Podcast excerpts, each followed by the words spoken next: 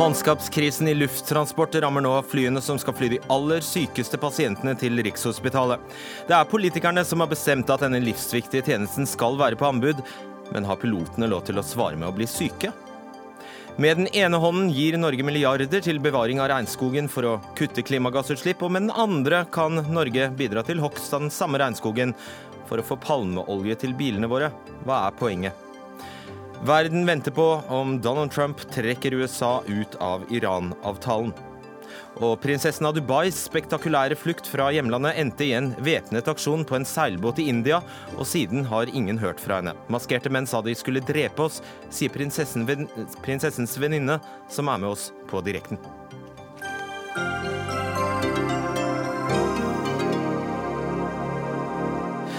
Og hva hadde skjedd hvis eh, ja, si, KrF var overrepresentert i norske abortnemnder, eller om Frp-ere var tungt overrepresentert i utlendingsnemndene? Det hadde nok blitt bråk. Men hva skjer når SV og Rødt er sterkt overrepresentert blant oss journalister? Det er ikke så mye. Bortsett fra at det blir en debatt her i Dagsnytt 18, da. Som er ved meg, Fredrik Solvang, i kveld. I dag har eh, nær en samlet opposisjon blitt enige om at kontrakten med selskapet som skal drive flyambulansene i Nord-Norge, bør brytes. Nå er det KrF som avgjør om forslaget får flertall på Stortinget, og parallelt med dette er situasjonen for luftambulansetjenesten i nord fortsatt uavklart. Flere av pilotene i selskapet Lufttransport er sykemeldt eller såkalt not fit for flight, med andre ord at de ikke er i stand til å jobbe. Og det går utover pasienter som er avhengig av å bli fraktet med luftambulansefly. Siste nytt nå er at også ambulanseflyene på Gardermoen ikke flyr, og at mannskapsmangelen i lufttransport har eh, rammet flyene som skal fly de aller sykeste pasientene til behandling ved bl.a. Rikshospitalet, og fylkeslegen er varslet om mulig fare for liv og helse. Katinka Riksfjord Sporsem, du er generalsekretær i Norsk Flygerforbund. Fredag den 27. april måtte altså alle fly settes på bakken etter at forhandlingene mellom Flygerforbundet og Babcock Scandinavian Air Ambulance strandet. Lørdag morgen var to av åtte ambulansefly ute av beredskap fordi flygerne hadde meldt seg uskikket til å fly. Hvorfor var de uskikket til å fly? Nå var det sånn at eh, Da ambulanseflyene ble satt på bakken eh, den, eh, de datoene du refererer til, så var det flygesjefen i selskapet, den operatøren som driver tjenesten i dag, som tok beslutninga om å sette flyene på bakken. Så hvorfor var de uskikket til å fly? Som sagt, det var flygesjefen som tok da en operativ eh, beslutning. Ja, Hva var hans grunnlag? Hans grunnlag var jo det at det eh, kom eh, tilbakemeldinger til flygerne, som har levd da i ti måneder med usikkerhet om de kunne få fortsette i tjenesten, fortsette i jobbene sine. Fikk de den beskjeden. Han tok da en avgjørelse basert på et flysikkerhetsmessig, flysikkerhetsmessig begrunnelse om å sette de flyene på bakken. Hva feilte flygerne? Altså, dette er en flysikkerhetsmessig og en operativ avgjørelse som ble tatt av eh, flygesjefen. Ja, det, det skjønner jeg, og det har ja, du sagt. Så ja. hva feilte det flygerne? Nei, det, det som, ja, Du må jo spørre han om hva som lå til grunn for det, men her har det vært en, us, en, usikkerhet, en usikkerhet eh, knytta til om du har jobb. Det har gått eh, og tatt dette ganske tungt, at du ikke får fortsette i tjenesten. og Det er jo det som er kjernespørsmålet her. At disse eh, ambulanseflygerne, høyt kompetente, erfarne folk, ikke har fått en garanti for at de kan fortsette jobben sin. Og da ble de uskikket til å fly. De, hva gjorde dem uskikket til å fly? At de var, ble usikre på egen jobbsituasjon, eller hva? Da var det flygesjefen som tok den beslutninga. Ja, det skjønner jeg, men ja. han gjorde jo det på, på grunnlag av noe? Flysikkerhet. Hans uh, hans beslutning var nok da Var de triste og hva, hva, ja, det har vært hva feilte tung, flygerne? Tung, det har vært ganske tung prosess å stå i. Og det at du ikke vet om du får fortsette i jobben som du har hatt i kanskje uh, 25 år, 20 år, noen har vært kortere i tjenesten. Du vet ikke om du har en jobb neste sommer. Mm. Uh, det gjør at, at man Eh, føler, føler da på den tunge børa. Du sitter med et huslån, du har en familie eh, som du skal betale eh, altså du på huslånet ditt, du skal betale for barna dine sin fritidsaktivitet. Du vet ikke om du har en jobb eh, å gå til. Um, og, og, og, grunnen til det, og ansvaret for at vi er i denne situasjonen, det er jo de nasjonale helsemyndighetene som har satt ja, oss i den, den, situasjonen. Så Er det riktig å tolke ut fra det du sier nå, at uh, denne lederen uh, fant at flygerne var mentalt ustabile, eller? Når, når du fly, som pilot eh, så skal du være 110% skjerpa. Det skal da ikke være noe som gjør at du har distraksjoner.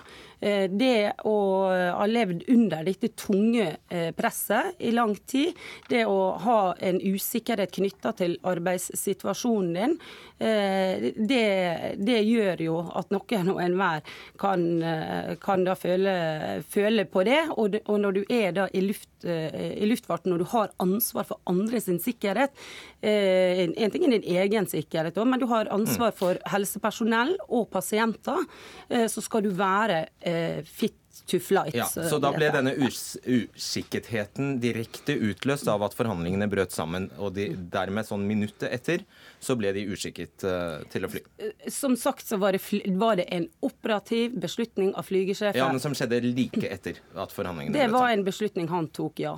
Mm, rett etter at forhandlingene brøt sammen? Da han ble kjent med den nyheten, ja. ja. Var det da en aksjon? Dette er ingen aksjon. Altså, fly, eh, Ambulanseflygerne det er høyt profesjonelle og dyktige fagfolk eh, som eh, De går ikke til aksjon. De eh, har en meget høy arbeidsmoral. Står på hver eneste dag, 365 dager i året, for å, å eh, frakte pasienter og helsepersonell trygt fram og, eh, fram og tilbake. De, er, det har et et sykefravær som er langt under det som er, er gjennomsnittet. Og det er altså en påstand som jeg vil ta sterk avstand fra. Det var et spørsmål, det var langt fra en påstand. Ja, det var et spørsmål. Men jeg ser at noen har påstått det. også. Mm. Mm. Eh, på under et halvt år skal tolv eh, piloter ha sluttet i mm. lufttransport. Stemmer det? Det stemmer. Og det er det som er hovedgrunnen til at flyene også står på bakken i dag, er at folk har slutta. Mm. Eh, Tolv av hvor mange da? Så... da? I overkant av 100. Mm. Ja, Ca. 103. Så det er 10 av pilotene cirka, eh, som har da eh, valgt å, å, si opp fordi at de ikke vet om de eh, kan få fortsette. Og Dette er nok piloter som også ønsker å fortsette i tjenesten, men pga. den usikkerheten som er skapt av nasjonale helsemyndigheter, så har de da sagt opp jobben sin. Bare for ordens skyld, hvis det hadde vært en aksjon, så hadde den vært ulovlig? Dette er ingen aksjon. Nei, hvis Det hadde vært. Altså, det er en helt egentlig en liksom irrelevant problemstilling. Det, er, det er ikke en aksjon. Vi. Hva er det dere har krevd som, ikke, som dere ikke har fått gjennomslag fra eh, Babcock? Nei, vi har ikke, altså, eh, Det vi har krevd, er at disse eh, pilotene, de 91 pilotene som ønsker å fortsette i ambulanseflytjenesten, kunne få fortsette i jobbene sine. At de ikke må søke på egne jobber Eh, for å kunne fortsette.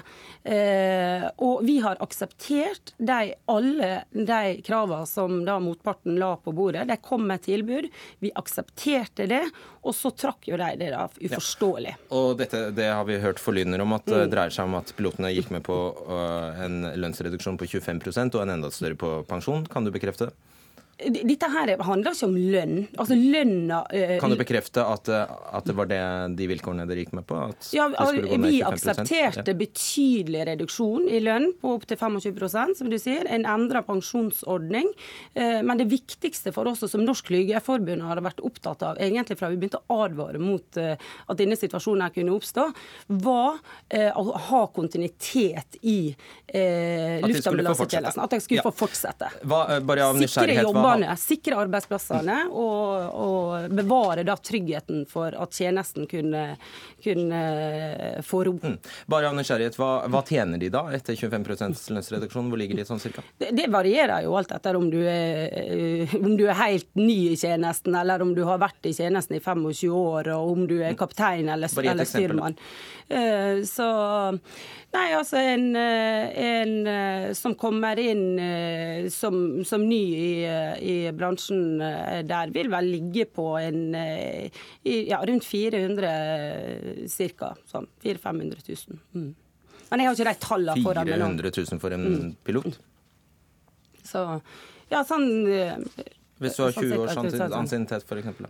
Der er jo Altså, de topp det, altså det, det, varierer jo om du Altså, du ser på det tilbudet som Babcock Uh, nei, altså det vil, vil ligge på en uh, ja, rundt 900 ca.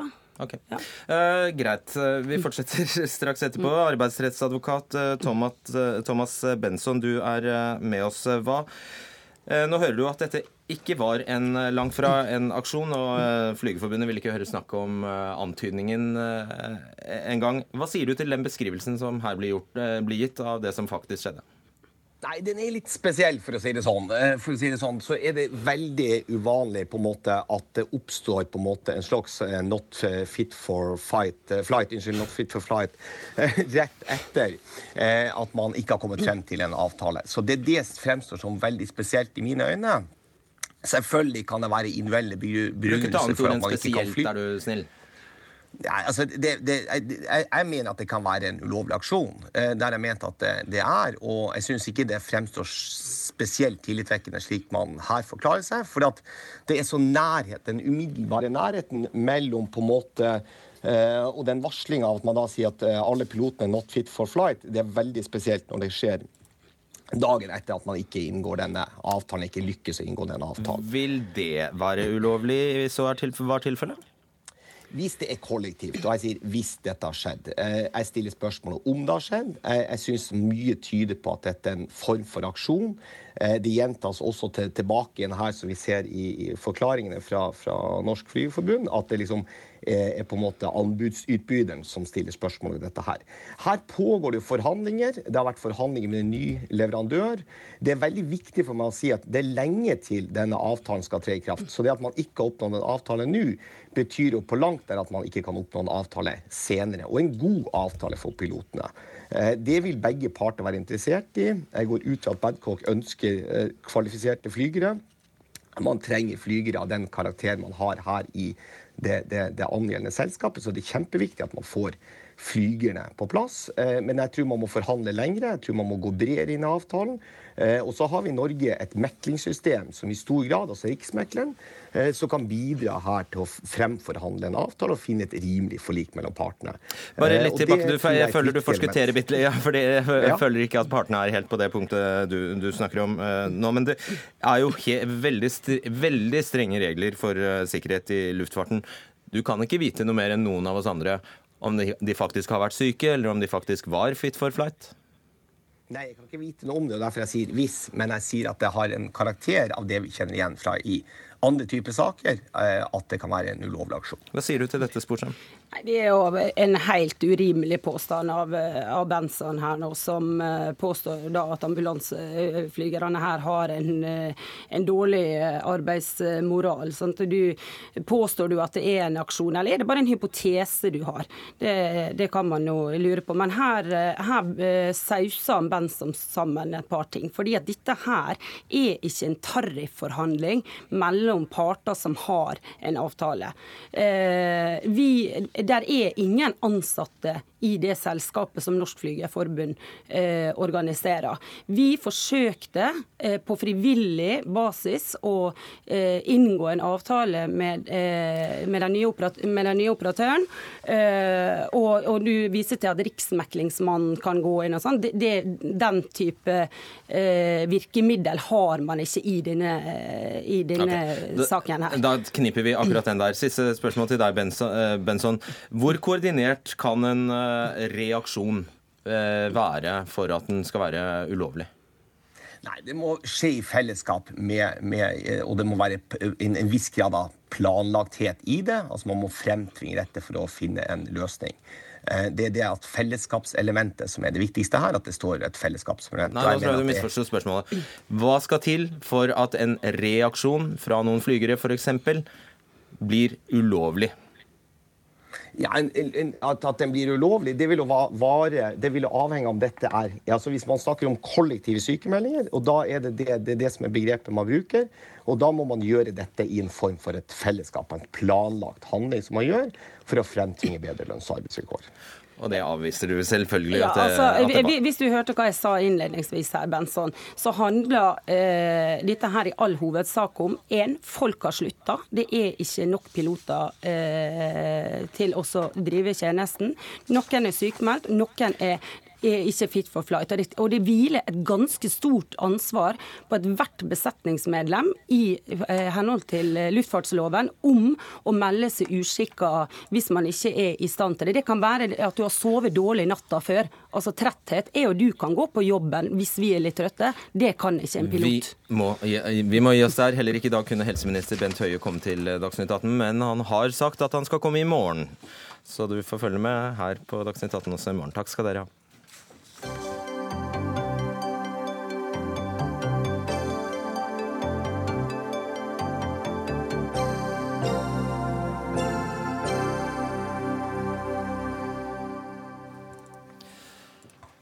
Hvordan kutte utslippene i veitrafikken raskt, spurte Venstre, KrF, Høyre og Frp seg. Svaret ble en storstilt satsing på biodrivstoff som kan blandes inn i bensin og diesel. Eh, fram mot 2020 skulle nesten en tidel av utslippene fra veitrafikken fordufte ved hjelp av biodrivstoff. Men planen var langt mer effektiv enn politikerne så for seg. For allerede tre år før målet er målet om 20% biodrivstoff nesten oppnådd, og halvparten er lagd av palmeolje. Nils Herman Ranum, avdelingsleder i Regnskogfondet. På ett år, fra 2016 til 2017, ble forbruket av palmeolje i diesel doblet her i Norge. Hvor kommer denne palmeoljen fra, og hva fører den norske satsingen til for regnskogen?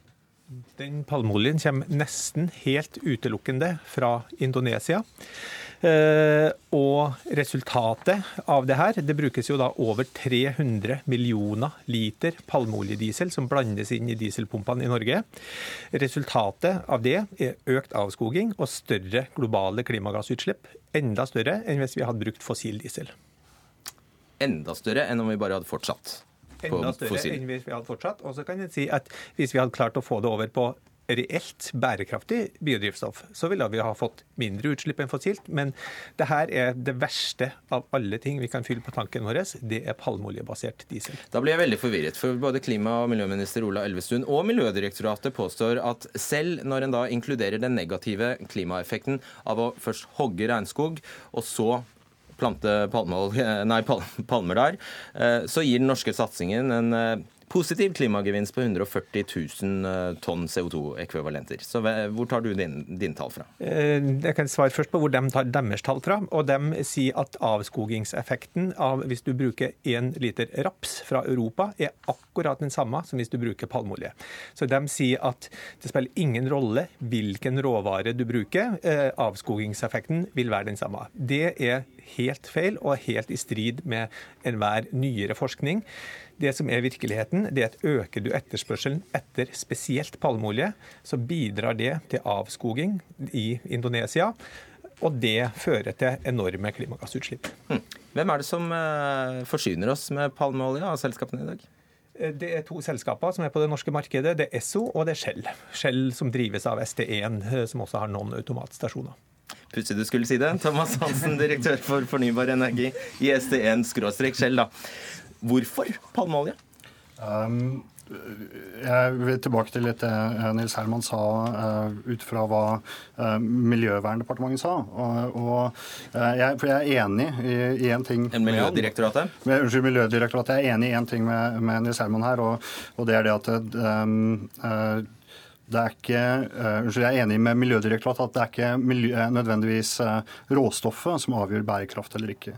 Når det gjelder den palmen vi bruker, så er all den palmen vi bruker sertifisert. Den er i henhold til bærekraftskriteriene, og den er sporbar tilbake til plantasjer som har oppstått ikke som et resultat av Eh, avskoging. Så For oss så, eh, så, er det som jobber egentlig for å redusere utslipp fra veitrafikken, så er det et, eh, et av mange verktøy vi har i verktøykassa vår for å levere hva vi skal levere. Da er det ikke noe, det ikke noe problem der, Anne? Det er ikke riktig, for det er massiv etterspørsel etter palmeolje i verden i dag. Og når norske drivstoffselskaper og andre europeiske drivstoffselskaper etterspør den såkalte sertifiserte palmeoljen, så betyr det at etterspørselen øker. Produksjonen øker ved at palmeoljeplantasjene etableres i nye skogområder for å dekke opp det kan du si, hullet som da bl.a.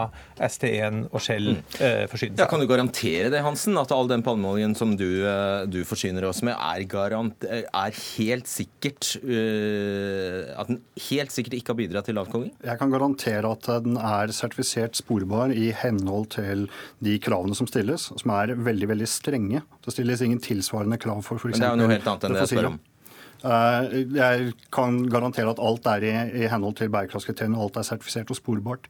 Eh, det er vanskelig for meg å, å, å love at alt sertifisert palme uh, møter de strenge kriteriene. og jeg, Det kan godt være at uh, altså, ting kan alltid bli bedre. Og det er helt sikkert et forbedringspotensial når det gjelder uh, å å sikre at det vi tar i bruk, faktisk er mm. sporbart og faktisk er formålstjenlig. Ranum, dere, dere ønsker altså egentlig et forbud? Altså Om det er et forbud eller om det er et avgiftsregime eller hva det enn er. Dere vil sette en stopper for dette her? Det er helt avgjørende for både klimaet, men også troverdigheten til Norges biodrivstoffsatsing. Altså, Vi ønsker å redusere utslippene fra norsk veitrafikk. Eh, biodrivstoff er én av mulighetene vi har det, i tillegg til elbil etc. Men skal vi lykkes med det, så er vi nødt til å få bort palmeoljedrivstoffet. Ja, og da lurer jeg på, altså Palmeolje er en av de aller største eksportartiklene fra Indonesia f.eks. Hva gir deg rett til å sitte her i Norge og forbarme deg over regnskogen, og så gjøre kål på en av de aller største industriene et fattig land som Indonesia har. Ja, jeg gjør ikke kål på noe industri, for det er ikke sånn at etterspørselen etter palmeolje slutter, selv om vi ikke øker etterspørselen etter eh, palmeolje til drivstoff i Norge. Det er massiv etterspørsel etter palmeolje. Den er altfor stor. Problemet med det er bl.a. at lokalsamfunn i Indonesia, som Regnskogfondet jobber med og jobber for, de møter problemene som den palmeoljeindustrien representerer, når den industrien kommer inn i deres skogområder, ekspanderer, tar fra dem ting som de er helt avhengig av for sitt livsgrunnlag. Hansen, hvor mye billigere er palmeolje enn fossil diesel, egentlig? Ja, det, det, varierer ut fra markedsforhold. Uh, Ca. 20 øre. 20 øre per liter? Kan du bekrefte? Det, det, nei, det kan jeg ikke bekrefte. Det, beklager, det tallet har jeg ikke. Eh, det kan jeg heller ikke gjøre. Jeg, jeg har ikke det tallet i hodet. Det er men, men, men jeg, vil gjerne, jeg, vil gjerne, kommentere på, på, på dette her med økning, økning i etterspørsel. Jeg syns, uh, vi skal, Hvis vi glemmer kampanjeretorikken litt rundt dette her, og så, og så ser vi litt i materien. fordi det vi, og det har Nils Herman også anerkjent, at det vi etterspør er faktisk bærekraftig. Uh, og hva skjer? Uh, og det er vel her kanskje uenigheten står, og det er en interessant, ganske kompleks diskusjon å ha. Uh, hva skjer når vi slutter å etterspørre den palmen som faktisk er produsert på en bærekraftig måte? Da blir det bare ikke-sertifisert palmeolje igjen, da, Ranum? Du har du kommet kortere, faktisk? Nei, det som skjer da, det er faktisk at palmeoljeindustrien ekspanderer bitte litt mindre. Fordi at vi er ikke daglig, men jevnlig i kontakt med bl.a. matvareindustrien, som også ønsker seg sertifisert palmeolje eh, til mat, eh, for så vidt også til vaskemidler etc. Etterspørselen etter palmeolje er massiv, og mange ønsker seg såkalt sertifisert palmeolje. Det de sier, det er at vi får ikke tak i det fordi at biodrivstoffbransjen støvsuger det markedet. Og det som er resultatet av det, er bl.a. at store selskaper som Unilever og Nestlé blir tatt eh, på fersken fordi at de bruker avskogingspalmeolje. De slutter ikke å bruke det, men etterspørselen øker, og avskoginga fortsetter. Terje Halleland, du er stortingsrepresentant for Fremskrittspartiet. Jeg skal bare kort forklare. Altså, er, dere har lagd et system der uh, selskapene som, uh, som, Hansen representerer, uh, bl.a. får altså får full veibruksavgift på alt de klarer å fylle opp med biodrivstoff inn i dieselen. da, opptil 10% Etter det, hvis de klarer å fylle på med mer, så de, slipper de veibruksavgift i det hele tatt. Og Derfor lønner det seg i hovedsak å fylle på med per i dag palmeolje, sertifisert palme, palmeolje. Hva slags system er det du har lagd? Nei, Vi har nok lagd et system som, eh, som skulle eh, gi eh, gode initiativ til å satse på, på biodrivstoff. Og få fram spesielt den bærekraftige sida av biodrivstoffet. Som, som, igjen da skulle, skulle minske utslippene på, på, veiene våre. Og Så hører du at øker, de øker i stedet. Så hører vi nå at de øker. Nå kom Miljødirektoratet med en rapport som viser at her er en innblanding i palmeolje som, som ikke var intensjonen. Eh, og nå var det advarsler imot det den gangen vi inngikk dette.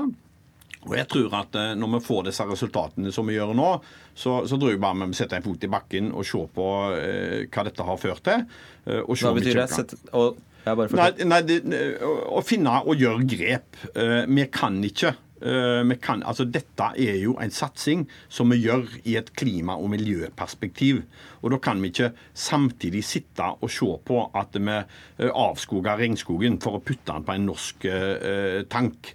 Det, Så Du sier nå at Fremskrittspartiet vil foreslå å endre denne satsingen? Vi vil foreslå å sette oss ned på Stortinget for å finne en måte å kompensere uh, dette på, sånn at vi ikke på noen måte Eh, bidrar gjennom en norsk eh, klima- og, og, miljøsatsing til avskoging av regnskogen. Og helt konkret så må jo det da bety at det blir veibruksavgift også på de eh, delene over 10 ja, Hvordan vi skal gjøre det, om vi skal vi snakke avgift eller om vi skal snakke innhold og råstoff, eller hvordan en gjør det, der er det forskjellige måter å angripe det på. Men det er vanskelig for oss å være med på å, å sitte i ro og se på at vi får en avskoging. Gjorde dere en tabbe? Ja, altså, med, med jordene, altså, Basert på det som vi får eh, presentert her, så er det jo en tabbe. altså med at vi, Det skulle vel gjerne aldri vært gjort. Da fikk vi en del advarsler på det. Vi valgte å gå videre. og Da tror jeg at av og til så, så er det sånn at når vi da får tydelige signaler om at de advarslene ble en realitet, så tror jeg òg at vi skal være såpass at da må vi se på er det andre måter å innfri dette på. Hansen? Ja, jeg bare jeg, gjør at uh, innskyte at det er litt mer komplekst. Jeg tror det er, det er, det er uheldig hvis vi baserer eh, politikk nå som, som, forenkler dette litt for mye. Eh, det er ikke råstoffet i seg selv som er problemet. og det tror jeg også Nils Herman er enig i. Det er måten det faktisk fremstiller på, det er konsekvensene det har også i produksjonsprosessen. Eh, vi har satt oss selv ekstremt krevende mål når det gjelder å redusere utslipp. Jeg tror vi skal være veldig forsiktige med å gi fra oss muligheter til eh, gi fra oss virkemidler som, som gir oss muligheten til å oppnå de målene. Ok, Ranum, veldig kort eh, kommentar til det du hører fra Fremskrittspartiet. Jeg vil si at Det er veldig bra, de signalene som kommer fra Fremskrittspartiet. Vi er veldig interessert i å bidra til å diskutere måter å få det her bort på. Og så er jeg for så vidt også enig med Thomas Hansen eh, i at det er viktig å tenke at det var en årsak til at vi innførte den biodrivstoffsatsinga. Det var for å redusere de utslippene. og Da må vi passe på at den fortsetter, men at den oppnår de intensjonene. som Norge er veldig opptatt av det å kutte klimagassutslipp i verden, siden det er det som er poenget. For Samtidig som vi satser på biodrivstoff, som i stor grad altså kommer fra palmeolje fra kan komme fra nedhugget regnskog, gir vi altså milliarder til fattige land for å bevare den samme regnskogen. Til sammen 22,3 milliarder kroner, eh, skattekroner har vi nå utbetalt siden 2010. 1,1 milliard har gått til Indonesia for å bevare, for å redusere eh, avskogingen der. Arild Angelsen, du er professor ved Norges miljø- og biovitenskapelige universitet eh, på Ås. Du har jobbet i Indonesia i tre år og har jobbet med skog og klima i en årrekke. Hvordan går det der med skogbevaringen i Indonesia? Det burde gå bedre enn det gjør. Eh, siden Norge inngikk avtalen med Indonesia i 2010, så har det vært en, en trend hvor avskogninga øker. Eh, hver måned forsvinner Det blir verre? Det blir verre. Altså avskogning. Arealet som avskoges, øker. Hver måned forsvinner Hvor blir det av pengene våre da? De brukes til eh, diverse tiltak på nasjonalt plan til å bygge kapasitet for bedre skogovervåkning, muliggjøre implementering av en politikk som gjør det. I tillegg er det en rekke lokale prosjekter som jobber på, på inn små regioner, eller til og med på provinsnivå, for å redusere. Veldig mye på kapasitetsutbygging, overvåkning, for å bli i stand til å redusere avskoging i framtiden. Hva er den aller største årsaken til avskogingen? Eh, det er etterspørsel etter jordbruksland. Eh, to ting i Indonesia som er veldig stor tømmerplantasjer og palmeolje, som er de to store dominerende. Så både småbønder og større selskap som gjør det. Vi diskuterer palmeolje her. Seks millioner småbønder eh, estimert er involvert i, i, eh, i palmeoljeproduksjon, som er veldig lønnsomt. og Derfor gjør det som et synes jeg er et dilemma som ble pekt på her. Vi, en, en vekst, f.eks. palmeolje, som er lønnsom, gir både økte inntekter til småbønder og for så vidt også store selskap, samtidig som det gir insentiver til å ekspandere og hugge ned skog. Men dette er et klimaprosjekt, la oss ikke glemme det. Så har de 1,1 milliardene kronene vi har gitt til Indonesia, ført til klimagassutslipp? Eh, reduserte klimagassutslipp? Eh, sa, ja, unnskyld. Ja, eh, det er veldig vanskelig å si bekreftende ja på det. For det, det er veldig vanskelig å måle og bevise at det har hatt noen målbar effekt. Det som da er det positive er at det har lagt grunnlag for det ved å forbedre overvåkningssystemer. Det har bedra urbefolkningens rettigheter, som er et, viktig pluss. Altså, Klimasatsing har ikke vært en form for nykolonialisme i Indonesia, men det har faktisk bedra urbefolkningens rettigheter, som er et viktig bieffekt. Men de, ja, eh, bare fortsett. Men, men de, det som vi gjerne skulle ha sett, og som vi ikke ser, er jo på nasjonalt nivå at avskogingen går ned som følge av Norges satsing og endra politikk. Og det kan vi ikke si. Siste spørsmål da. Bidrar biodrivstoffsatsingen i Norge til større hogst enn vi greier å bevare gjennom skogsatsingen i Indonesia? Ja, jeg tror nok det, og der må jeg nok være enig med, med Regnskogfondets representant. Selv om vi kjøper fra sertifiserte eh, områder, altså bio, så vil det bidra til den generelle økninga i etterspørselen etter det. Og veldig mye, kanskje om lag så mye som halvparten av ekspansjonen av palmeoljeplantasjer, det skjer ved at en rydder skog. Ok, Halleland, hva slags sløsing med Hva, hva er dette her? Ja, Det er jo akkurat det som jeg prøvde å få fram sist. altså at Hvis vi skal satse på å bevare regnskogen, så kan vi ikke samtidig ha et nasjonalt system som skal spare oss for nasjonale utslipp, mens vi da eh, direkte arbeider imot den regnskogsatsingen eh, som vi har.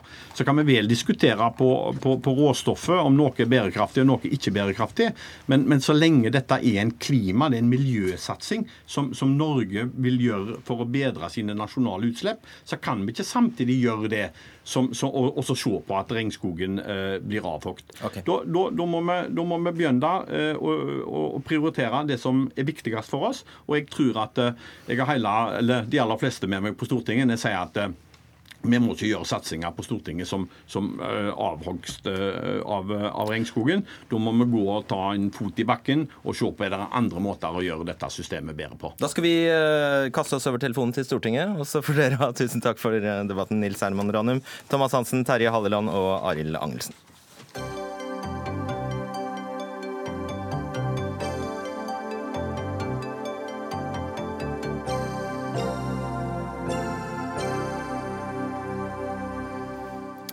Om noen timer skal Donald Trump avgjøre om USA trekker seg ut av atomavtalen med Iran. Avtalen ble gjort i 2015, da Iran lovet USA og resten av verden at landet skulle begrense sitt atomprogram. Til gjengjeld ble en rekke økonomiske sanksjoner mot landet opphevet. Donald Trump har flere ganger kalt det tidenes verste avtale. Og USA-korrespondent Anders Magnus, hvorfor er den så elendig og så dårlig for USA, denne avtalen, mener Trump? For det første kan vi si at uh, vi vet allerede nå hva Trump kommer til å gjøre. Gjør vi det? Det har lekket ut fra en samtale han hadde med Ja, han hadde nylig en samtale med uh, Emmanuel Macron, presidenten i Frankrike. Og uh, mediene her melder at i den samtalen så forklarte han Macron at de kommer nå til å gå ut av denne Iran-avtalen og innføre sanksjoner og også komme med ytterligere økonomiske sanksjoner mot Iran. Og grunnen til at eh, Trump gjør dette, og at han syns dette er tidenes dårligste avtale, det er tre ting. Det ene er den såkalte eh, solnedgangsklausulen, som eh, gjør at Iran bare skal holde seg til denne avtalen fram til 2030. Etter det kan de begynne å utvikle hva de vil. Det andre er at eh, det er, det er, ikke noen krav om at de ikke skal utvikle langdistanseraketter. Det gjør Iran nå. De utvikler ballistiske raketter som kanskje snart kan komme, eh, ha en rekkevidde til USA f.eks. Og det tredje er at eh, Trump også vil at eh, avtalen burde ha inneholdt eh, en begrensning for Iran til å blande seg inn i regionale konflikter, slik de gjør i dag i Jemen, i Syria og i Irak. Midtøsten-korrespondent Sissel Wold, du er i Istanbul nå. Hva, hvordan kommer dette til å bli mottatt i Iran? Ja, jeg snakket med en eh, venn av meg i Iran nå nettopp, og de er fullstendig slått ut. Eh, fordi at det er ikke noe land som er mer eh, preget av hva en amerikansk president gjør og ikke gjør. De har hatt sanksjoner i mange år, og nå blir det enda verre. Og hun sa at på en måte så håper de at Trump bare trekker seg ut fordi at de er lei av at president Trump leker med iranernes liv og leker med det iranske folket på denne måten her. Eh, de har lært på skolen i alle år at de kan ikke stole på USA, de kan ikke stole på EU, og nå får de på en måte bevist det. I tillegg så har eh, den eh, iranske rial, valutaen i Iran, stupt etter at Iran etter at USA sa at, altså Trump sa at han kom til å ta en avgjørelse om denne avtalen, for det skaper enorm uro på markedet. Bare veldig kort, eh, Anders Magnus, mens vi eh, har deg her, for jeg vet du vil, eh, må, må løpe videre. Hva Er det oppslutning i det amerikanske folket rundt det Trump gjør nå? Det er det paradoksale. Det er en meningsmåling som ble gjort for noen få dager siden, som viser at 56% av folket her støtter denne avtalen. Og selv blant eh, republikanerne så er det flere som støtter enn de som eh, ikke støtter. Så eh, han har absolutt ikke folk i ryggen, men han har fått en ny eh, sikkerhetsrådgiver, John Bolton, og en ny utenriksminister, Mike Pompeo, som alltid har vært veldig kritisk til avtalen, slik som Trump selv også. Så nå er rådene han har fått fra dem, det er trekke oss ut av denne avtalen og innføre nye sanksjoner.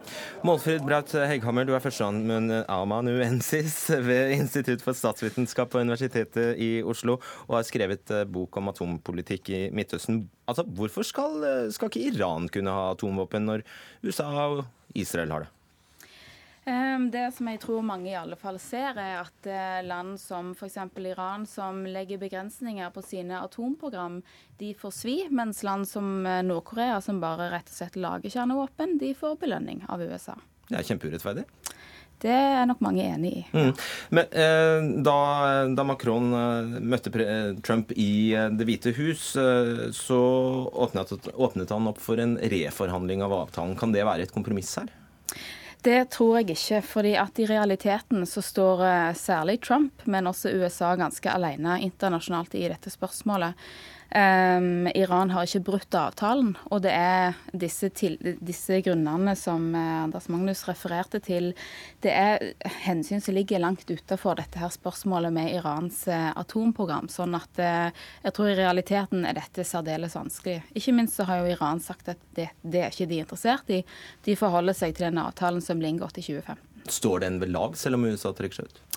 I teorien så kan den stå ved lag. Eh, selv om USA velger å bryte avtalen, så kan den stå ved lag. Men eh, Iran har vært veldig tydelig på at for de så vil ikke denne avtalen være den samme dersom USA trekker seg ut. Og det henger jo sammen med at USA sine sanksjoner har så store konsekvenser for Iran at det blir rett og slett litt meningsløst for de å forholde seg til en avtale uten USA. Og bare litt kjapt da, Sissel Wold, hva er det mest sannsynlige neste trekket fra Iran da?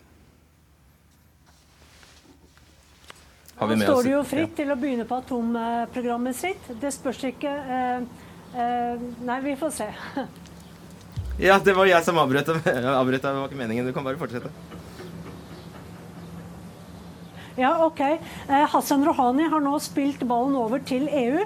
Han sier at Iran vil ikke trekke seg ut av denne avtalen om EU og Russland og Kina garanterer for at Iran får det Iran skulle få i avtalen, uansett om USA går ut eller ikke. Fordi Hassan Rouhani har knyttet sin politiske fremtid til denne atomavtalen, lovet at iranerne skal få bedre økonomi og jobber. Så han har alt på å tjene og prøve å få de andre partene, som ikke er USA, til å fortsette å forplikte seg til avtalen. Så da er det opp til EU f.eks. om de eh, joiner Trump, sin Nato-allierte, eller om de står fast på at de har forpliktet seg til avtalen om å sørge for at verden ikke ser at atomvåpen blir produsert i Iran. Og det er jo et stort ansvar. Mm, og Hva er da mest sannsynlig Braut Hegghammer, at EU foretar seg? Eh, jeg tror det blir vanskelig for EU å levere noe à la dette her. sånn at eh, jeg tror at EU står i en særdeles vanskelig situasjon, og deres troverdighet eh, er også på en måte on the line. da. Og En annen ting å tenke på når det gjelder Irans reaksjon, er at nå må de trå veldig varsomt. fordi at et feilsteg ifra de, så vil f.eks. John Bolton sannsynligvis begynne å snakke om at nå må man foreta seg noe militært også. Iran kan de bli presset til å søke mer mot Russland og Kina? Eh, presset og presset, de kan i alle fall gjøre det i praksis. En annen ting som vi må også huske på, at Iran er jo en eh, stormakt i Midtøsten nå. Pga. USA sine kriger eh, så har jo de fått særdeles stor innflytelse i Irak. De har større innflytelse i Syria, Jemen osv. Så videre. sånn at Iran står jo med ganske mange sterke kort på hånda, de også. F.eks. For i forhold til Russland eh, og andre stormakter. Det, hvor farlig er dette? Jeg mener vi har all grunn til å være bekymra. De eneste som bør være glad for dette, er de som er ute på fløyene politisk i USA og Iran. Og de har ikke motiv som vi skal stole på. Takk skal du ha. Det var en dyster avslutning. Takk skal du ha, Målfrid Braut Hegghammer, og tidligere også takk til Sissel Wold og Anders Magnus.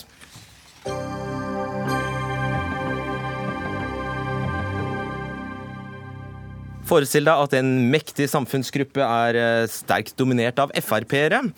At det politiske synet deres kanskje påvirker jobben de gjør. og Se for deg, at, eh, se for deg de reaksjonene som måtte komme i media. Ja, sånn er det faktisk. Bare at virkeligheten er stikk motsatt. Eh, blant journalistene stemmer nemlig over 30% på SV og Rødt.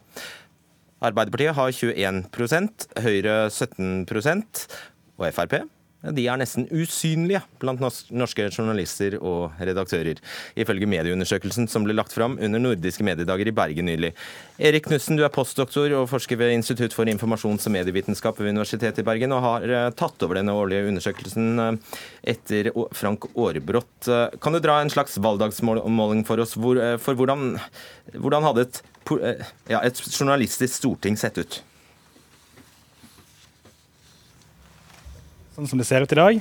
Ja. Eh, vi ser f.eks. at eh, SV får 21 eh, partier som Rødt 11,8 Høyre 16,6. Men så ser vi det at Frp havner under sperregrensen på 2,8. Sånn at det hadde nok vært et, et suverent rød-grønt flertall ved et sånt storting. Hvor bastant er det rød-grønne flertallet? Uh, nei, det er vel noe sånn som Hvis du tar med Miljøpartiet De Grønne, da, så er det uh, 73% 73 ja, det er ikke dårlig. Uh, det er blant eh, journalistene. Hvis du ser på redaktørene, da, hvordan ser det ut her? der ser vi at Arbeiderpartiet står særlig sterkt. Der står nok Frp enda svakere. Men vi ser der, der, partier som SV og Rødt står sterkt blant journalistene, så er det særlig Arbeiderpartiet som står sterkt hos, hos hos redaktørene. Men selve eh, denne Stortinget blir ikke så annerledes. Vi ser at de, Der er det rød-grønt flertall, med MDG igjen, da, 66 mm. er, dette, eh, er dette andre resultater enn dere har fått tidligere, eller? Nei, altså det, det, følger jo en, en, en uh, lengre trend. Uh, fall Hvis du samler disse partiene i, i to blokker og kaller det ene for venstresiden og andre for høyresiden, så ser vi det at, at 53,6 uh, tilhører venstresiden i år. Det var 53,5 i fjor. Men det er ting som har endret seg hvis du går litt lenger tilbake inn i tid. Du ser f.eks. at Høyre og Frp fikk noe sånn 27 samlet i, i 2013, eh, der 45 var rød-grønn. Så det er noe som endrer seg, eh, eh, har endret seg litt over tid. Mm. Men det som er ganske stabilt, er iallfall at, at eh, journalister er rødere enn den generelle befolkningen. Er, er, det noen grupper innad, internt, blant journalistene som skiller seg ut? Ja, altså det Vi har gjort i år er at vi har, vi har prøvd å bryte dette ned på arbeidsgrupper. Og Der ser vi at uh, særlig de som sier at de jobber med kulturjournalistikk, uh, står uh, lenger til venstre enn gjennomsnittsjournalistene. Og økonomijournalistene står litt mer eh, mot høyre enn en gjennomsnittsjournalistene. Ja, det var forutsigbart, du. Om jeg får si det. Så det. Men så er det rare utslag som at Senterpartiet får nesten 40% av stemmene fra sportsredaksjonene. Hva er det for noe? Relativt få som, som, som har, har, svart det, men, men ja, nei, det, det klarer jeg ikke å, å forklare.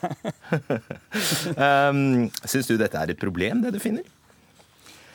Altså, um, det er jo et empirisk spørsmål, empirisk spørsmål om det er et problem.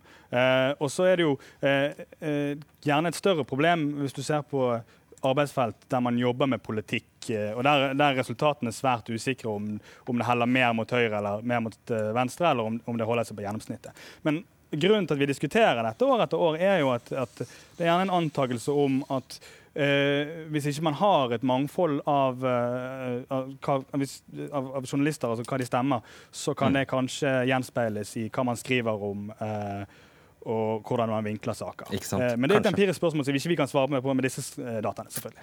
Har du et uh, svar på det, Morten Wold, stortingsrepresentant for Fremskrittspartiet. Du var i sin tid faktisk også journalist selv. I 20 år var du i Drammens Tidende før du sa opp og hoppet, hoppet over til Frp. Er, er det et problem? Altså det disse tallene viser, er jo det at uh, norske journalister er i høyeste grad i utakt med den befolkningen de skal skrive om og for. Uh, det er i hvert fall helt åpenbart. Uh, så tror jeg, med min bakgrunn som journalist sjøl, at man, man, ønsker ikke i utgangspunktet å la sin egen personlige overbevisning farge det man skriver. Men når man i valget overfor en vinkling, en ingress og et bildevalg eh, skal eh, velge det ene eller det andre, så kan selvfølgelig personlig overbevisning eh, spille inn. Så du tror det skjer? Jeg tror det skjer, men jeg, jeg syns i det store og det hele at norske journalister er redelige. De går etter si, både høyresida og venstresida. Det har vi jo sett ikke minst nå i den seinere tida. Eh, men, og dermed var den debatten over. Takk skal dere ha. Ikke men, si mer nå, for nå ødelegger du alt. Elin Floberg Hagen, generalsekretær i Norsk Presseforbund. Hva hadde skjedd hvis KrF la si, var sterkt overrepresentert i, i abortnemndene? Det, det, hadde, det hadde jo ikke gått. Nei, Det hadde det muligens ikke. Jeg hørte på introen din på vei, på vei opp hit og, og, tenkte den var jo en spennende intro. Men jeg vil så si at disse tallene de bekrefter jo eh, årlige undersøkelser som vi har hatt de siste årene. ikke sant? At journalister har en større hang, og journalister og redaktører har en større hang til å uh, slutte seg til venstresiden i politikken enn befolkningen ellers. Men det interessante er jo å diskutere hva betyr det for journalistikken, om noe. Uh, det er jo som det ene. Og det jeg syns er veldig spennende med årets undersøkelse, er at den går lenger ned og prøver å analysere hvilke journalister har uh, ulike preferanser. For det, det, gir litt mer mening. og jeg synes Eh, du sier at det er helt åpenbart kulturjournalister er mer til venstre enn økonomijournalister er mer blå. Men, men de tallene som, som, eh, som, jo ikke er sikre, men som, men som kan hvert fall tyde på eller antyde en balanse mer på politiske journalister eller nyhetsjournalister, syns jeg nok er mer i tråd med det mitt inntrykk eh, av situasjonen. Mm. Uh, og, det, og, jeg tror nok uh, journalistikken i, høyeste grad drives av nyhetskriterier og informasjonsverdien snarere enn politiske preferanser. Så der er dere egentlig nokså enige? Nok, der er vi nok enige. Jeg må også si en ting til. fordi uh, Vi mener jo også, og er enige, og jeg syns det er bra at denne undersøkelsen hvert år minner oss på behovet for mangfold. Eh, fordi, eh, Ikke bare i politiske preferanser, men også der.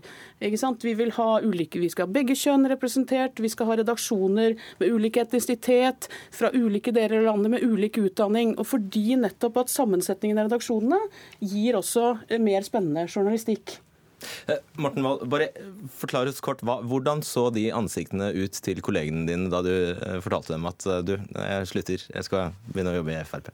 Nei, jeg, jeg, hadde vært uh, klar tydelig på at jeg hørte til på høyresida, så det var ingen uh, det var overraskelse. Det var, det var, mer overraskelse i journalistlaget, som hadde oppslag på hjemmesiden sin om, eh, med overskriften 'Se' en, en Frp-journalist. Så ja.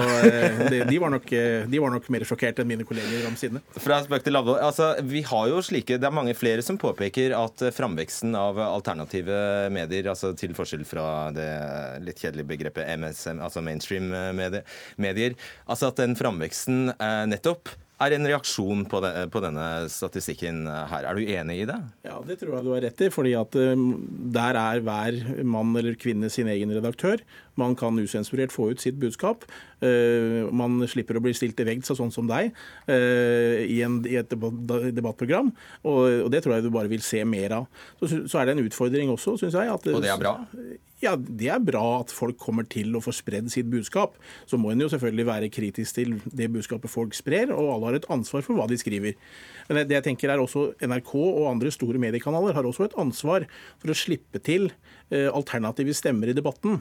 Det finnes mange gode debattanter på høyresida i norsk politikk som for sjelden får slippe til i dette studio, f.eks. Ja. Floberghagen, eh, eh, ut fra denne undersøkelsen så virker det som at det er én eller to norske redaktører av 170 ca. som stemmer Frp. Altså, er ikke det, ja. er, det ikke et, er det ikke et problem i seg selv at de er så forsvinnende få? Ja, av de, Jeg vet ikke hvor mange redaktører han har snakket med. Uh, av 720 redaktører så, så, vet jeg ikke hvor mange det ville vært hvis du hadde stilt det spørsmålet til alle. Men jeg er, jeg er enig i at um, når du spør om alternative medier, uh, enig i at det er behov for uh, å slippe til stemmer på, tungt på begge sider av politikken. Men jeg er ikke enig i at alternative medier medier som prøver å late som de driver journalistikk.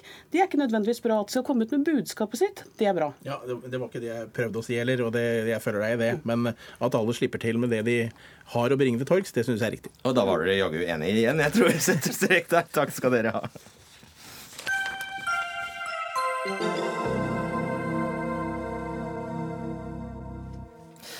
I februar rømte Dubais prinsesse Sheikha Latifa al-Maktoum fra hjemlandet.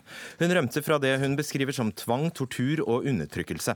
Flukten gikk via vannskuter til en seilbåt som så tok henne til India, og 4. mars kom om lag 15 maskerte menn med maskingevær om bord på båten, og siden har ingen sett prinsessen.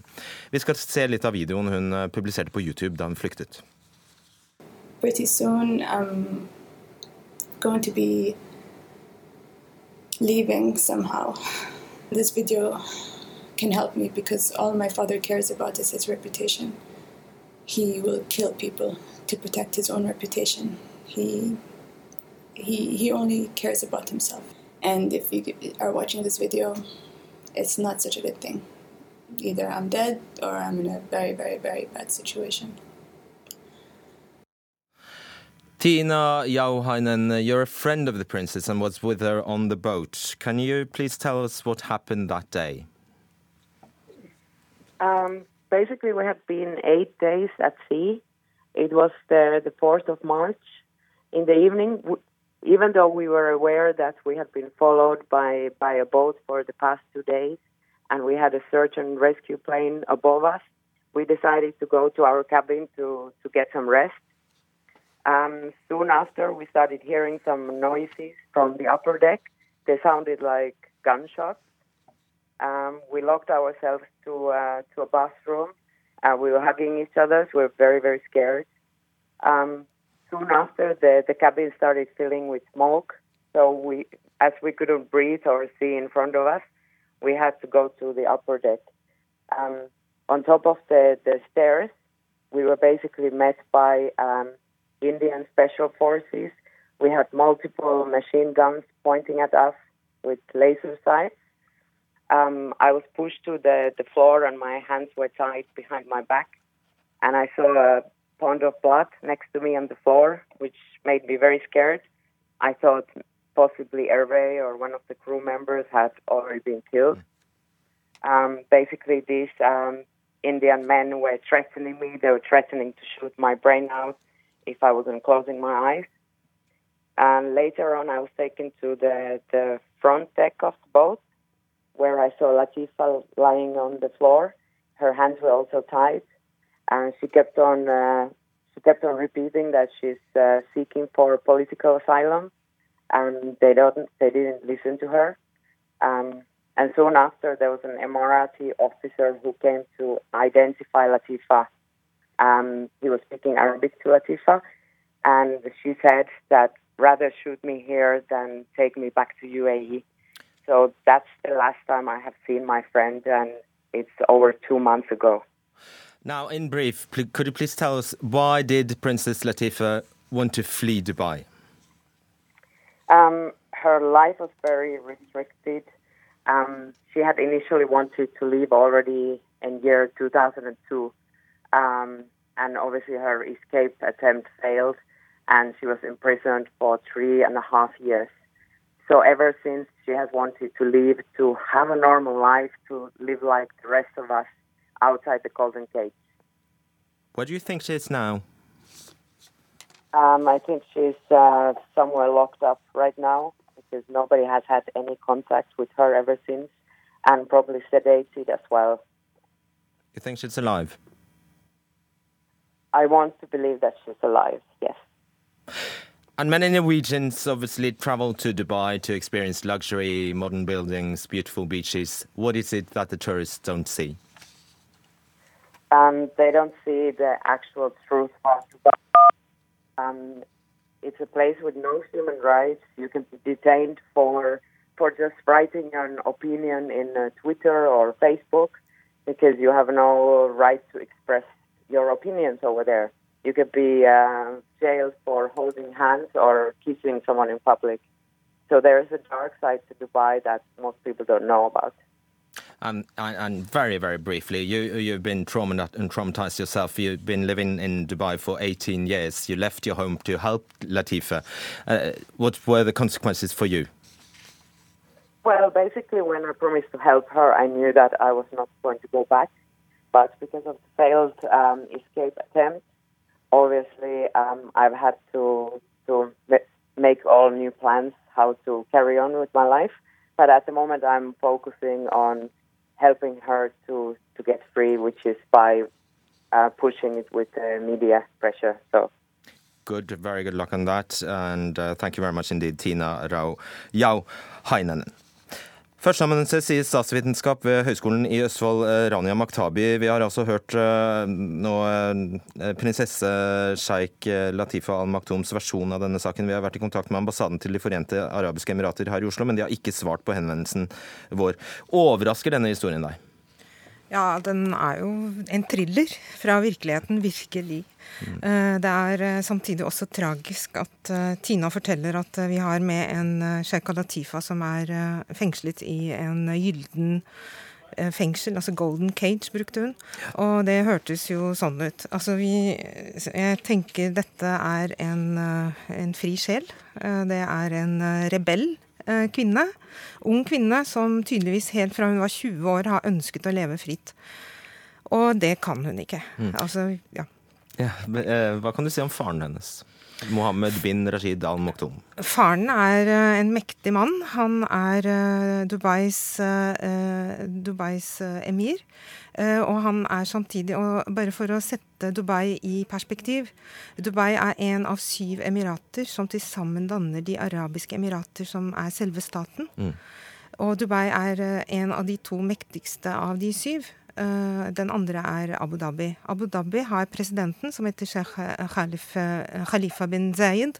Mens faren til Sheikh Latifa han er statsminister siden 2006. Han er en mektig mann, og, og helt opplagt en, en, en, som ikke ønsker å, å, å ikke ha oversikt over sine barn. Og du har sagt at kvinner i Dubai nesten har den strengere nå enn det oldemødrene deres hadde det. Hva mener du med det? Ja, Det gjelder jo ikke bare Dubai, det gjelder hele Gulfregionen. For jeg har lest beretninger av eldre kvinner som forteller den gangen vi var fattige, så måtte alle ta, tak, eh, ta i et tak. Og når, de, når jeg sier fattige, så var det selvfølgelig før oljealderen. Da var mange av disse små, eh, bitte små statene De ligger jo langs kysten og har masse hav, så de var fiskere. Eh, Dubai og, og, resten av disse små oljesjeikdommene levde av perlefiske, bl.a. Det var en veldig stor inntektskilde. Perledykking mm. var også en geskjeft. Og i den perioden hvor menn var ute på vannet, så var det sånn som fiskekoner i Nord-Norge. Det er de som styrte hjemme. Så, så, så de de beretningene jeg har lest, historiske, vitner, om en periode hvor fattigdom faktisk ga kvinner større frihet. Og da skriver jo Amnesty på sine sider i dagens Emirater blir opposisjonelle torturert, og samvittighetsfanger blir rutinemessig internert og holdt i fangenskap i mange måneder uten tiltale eller dom. Eh, det er, er det en bare beksvart menneskerettighetssituasjon i Dubai? Ja, altså Vi må jo skille mellom to ting her. Her er det en prinsesse, og da er det inne i uh, ting som har med private forhold. ikke sant? Mm. Det er familieforhold. Det andre du nevner, med Human Rights Watch og Amnesty, det har jo med fremmedarbeidere uh, og, og oppholdstillatelser på andre måter. Så hvis vi skal fokusere på nettopp den, den caset vi har foran oss her, så er det en ekstrem variant av det vi på godt norsk kan eh, kalle far som tukter datteren sin. Mm. ikke sant? Og det, vet du hva, det var det vi rakk, Rania Maktabi, Maktabu, men tusen takk skal du eh, ha. Takk selv. Ansvarlig for Dagsnytt 18 var Arnhild Myklebust, teknisk ansvarlig var Finn Lie, og i studio Fredrik Solvang. Ha en fin kveld.